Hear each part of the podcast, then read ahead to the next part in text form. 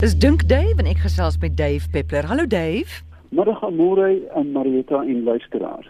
Dan vra: Dink Dave nie oorbevolking is 'n groter probleem as aardverwarming nie?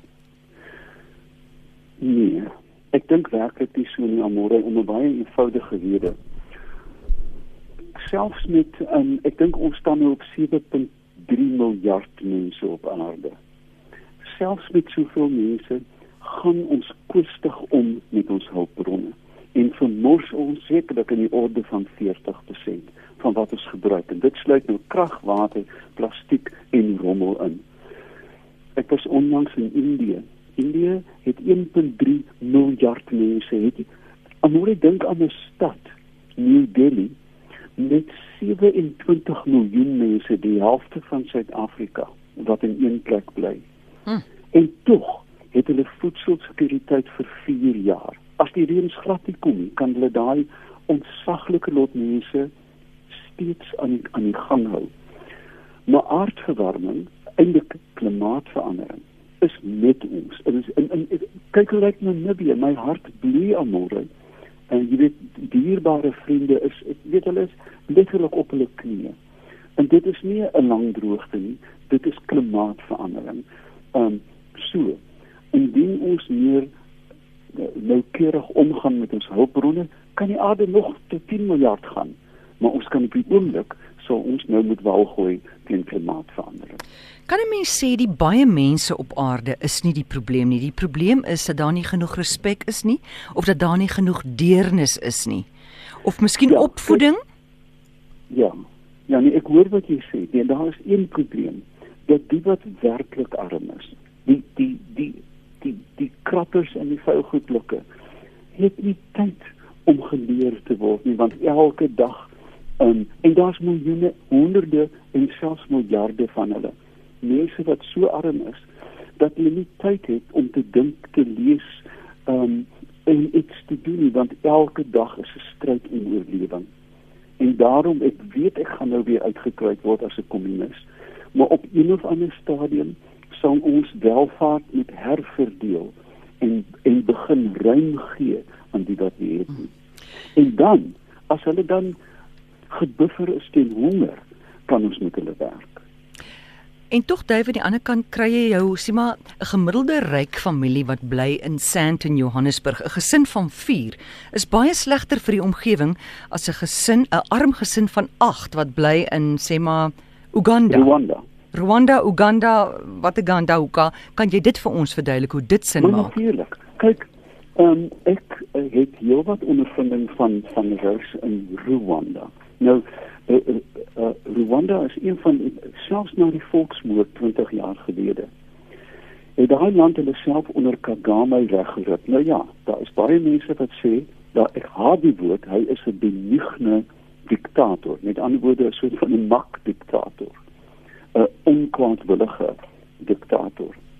Maar as jy kyk wat die man reg gekry het aan môre, dan moet hy aanhou 'n diktator wees. Hy het alle ligte in in in, in daai arm land na LED, na die Woodus oorgeskakel. Uh busse in Kampala, ag uh, Kampala. Ry jy met 'n klein 'n kredietkaartjie, daar is nie meer geld nie. Dit is spotgoedkoop. 3 daar is nie plastiek nie. Ja, daai hele land is so skoon soos jou voorkamer almore, want wat gebeur eenmal die laaste Vrydag van elke maand stop die ganse land en vee die land van bo tot onder uit behalwe die gorillas se agterwêreld word alles gevee. Ehm um, so as daar 'n politieke wil is. Ehm um, en as daar politici is wat voorbeelde stel, want Kagame en sy vrou vee voor dan daai dag begin die mense sê as hulle dit kan doen, kan ons dit ook doen. Daar is maniere aan môre ons is net te lui. Want hy het daar's nou een voorbeeld en jy kry dit min in min in Afrika, maar kom ons vat 'n enige gesin, 'n groot arm gesin, sê maar hulle bly in Brasilië, gesin van 8. In vergelyking met 'n gesin van 4 ryk gesin in Sandton. Elkeen in daai gesin wil sê maar 'n 4 by 4 ry ja. soek hulle eie slimfoon, drink ja. gemiddeld 8 botteltjies mineraalwater in plastiek per dag. Ja, Nee nee nee, ek hoor wat jy sê. Hulle het ondervloerse verhitting. Hulle het lugreëling waar die uh, familie in Brasilia met 'n palmtak hulle self koel hou. Ehm um, daar is 'n daar's ordes van verskil in die manier wat ons lewe. Ek ek kyk na myself. Ek ek stap van een apparaat na die ander. Almoere. Ek stap van een apparaat na die ander. Dit is deel van ons agtergrondgeruis waar al hierdie apparate, skottelgoed was 'n mikrogolf ketel selfs bestaan nie in arme lande nie. Mense maak 'n vuur en nou ja, nou gaan jy vir my sê dat kappel 'n boom af. Hoe dit ook al sê, daar's ordes verskil uh tussen die lewensstandaard van mense wat besoedel en dis ons die Amerikaners en die Chinese in vergelyking met met lande soos Tanzanië, lande uh soos Bolivia wat nie 'n aks van ons energie verbruik het nie. Dit gaan oor die gebruik van energie bovenal. Dave Susanna wil weet hoe oorleef vlieg en muskietspesies in die winter. Hulle daar tensy dit natuurlik ons praat van 'n Suid-Afrikaanse winter uh, vermoed ek. Ja. Ehm um, en nou nie jy weet 'n minus 40 Moskou winter nie. Mm. En meeste oorlewing van organismes is gewoonlik in 'n eier of in 'n papie sta, uh, stadium. Ehm um, die volwasse se lewe van meeste insekte, sluit insluitende vliee en en en muskiete, is kortstondig. Weet jy daar is um, ek moet nou mooi dink daar is tok tokkie larwes wat elke ek dink is 9 of 11 jaar neem voor hulle ontpop wat hulle onder die grond bly. Net doodste hulle daar. Ehm um, so voor die winter sal 'n hele aantal spesies eiers lê en die eiers bly dan behoue en die oomblik as die temperatuur begin hmm. styg, broei hulle uit. Dit is hoekom mense met 'n met 'n baie warm dag in die winter of 'n paar dae hmm. 'n muggieplaag kan kry byvoorbeeld maar so dit is in eie stadium wat meeste insekte dan oorleef of in 'n papie hmm. maar beslis nie in volwasse stadia nie Santjie van Stilbaai wil weet of melkhoutbome brande kan keer Melkhout Melkhoutboom ja Ja melkhout is brandbestand maar hulle skroei verskriklik Ek dink die mense met dis 'n ou idee van 'n van 'n laning bome plant om 'n brand te keer dit werk gewoonlik nie so nie. En nou ons het net gepraat van klimaatsverandering. Raak winde sterker, die uh temperatuur raak hoër. Môre ek het, ek was 'n bosbouer, weet jy, dit hier gaan 'n ongeval. Ja. En my ja, ek was 'n bosbouer voordat ek uh, uh, akademikus geword het. Um jy gaan my jy sou my nie herken die kakie hoed. Um en 'n perd, my perd se naam was Mary. Mary in um, in Zululand ek weet dit ek was onherkenbaar. Ag moeder aan aan myself ook. Maar ehm um, hoe dit ook al sê. En daai jaar het ons nog naningsbome geplant om brande te keer. Ek dink jy help dit aan. Uh jy sal 2 km breë melkoutnaning moet moet plant mm. om 'n fynbosvuur te keer as hy begin vonke gooi. So, ek dink hy brand self nie, hy skroei, maar dit gaan ook nie help nie. Vertel gou vinnig watter is nou weer goed wat jy kan plant? Eh, ek weet spekboom keer brande bietjie.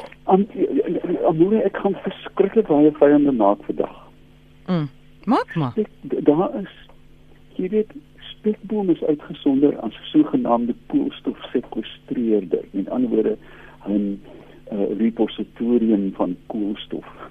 Wortels doen dit, beet doen dit jou ouma grootjie se meidenheer vir die stoep doen dit ook. Jy weet dis plante wat koolstof sekwestreer. Ehm um, maar ek sien juis vandag in die Guardian my gunsteling ehm um, uh, koerant dat indien die mensdom sal besluit om per per land miljarde bome te plant, nie, nie miljoene nie, mm. miljarde, mm. kan ons koolstof begin sekwestreer. Met ander woorde, ons kan koolstof uit die uit die lug uitneem en dit vasvang in die in die uh, in die die liggaam van die plant.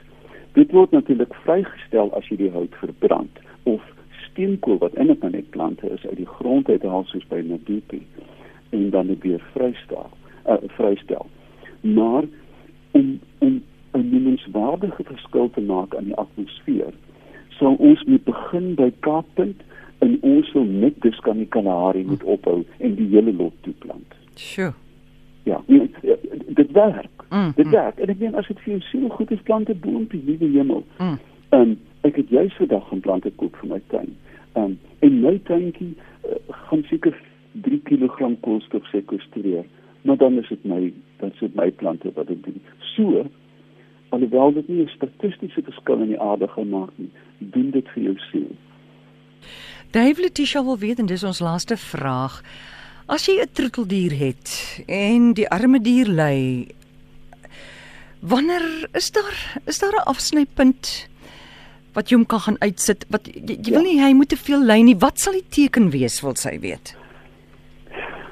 Die dag toe my geliefde hond Padda 5 uit 17 jaar oud geword het, weet jy Amore, ek ek sal dit nooit vergeet nie. En Padda was doof en dan moes ek in sy sy oor optel en gegee by my, nou maar dit was die die die oproep dat dit in daai gat geskree het, kom ons gaan pee. Mm. En dan het Padda wakker geskrik en dan is nou stywe bene uitgegaan. En daai dag het hy sy been nie kon optel nie en dit was die dag Sjoe. daar daar kom 'n dag waar jou hondjie blind raak en in 'n deur vasloop. Daar kom 'n dag waar jou hondjie nie hoor nie en voor 'n motor begin instap. Daar kom 'n dag dat hy in sy slaap kreun. En dis jou plig. Mm. Honde gaan nie diere gaan nie van hartaanvalle dood nie. Ons weet dit ons nou. Dit is jou plig om liefdevol jou dier te neem en aanmoedig. Hier kom die belangrike ding. Moenie uithardloop en sê bel my as dit klaar is nie. Hou daai lyfie vas. Mm. Hou daai lyfie vas as die naald ingaan, want want daai dier het vir jou sy hele lewe Mm. vol liefde gegee. Dave, dit is altyd 'n baie moeilike besluit. Kan mens ook al kan mens dink in die lig van as hierdie diere in die natuur, kyk jy het hom mak gemaak, daai dier is jou verantwoordelikheid. Ja. Kan mens dink in in die konteks van as hierdie dier nog in die natuur was, dan sou hy al lank al deur 'n ander dier geëet gewees het. jare voor jy hom vir jou afstuur. Letterlik jare. Wat ek kan nie hard ek meen jy ken mos daai daai stokstywe hardlywige lyfie jy weet Mm. wat wat al kreem en, en jy moet saans 'n konversie opgooi wanneer die reumatiek raak te erg ensovoorts in 'n liggie aansit of 'n waterbottel. Ehm um, maar die feit bly staan, dit is jou plig om nie die lyding te verleng nie en 'n ingeligte besluit te neem en die verantwoordelikheid dan om jou diertjie te vat en totsiens te sê.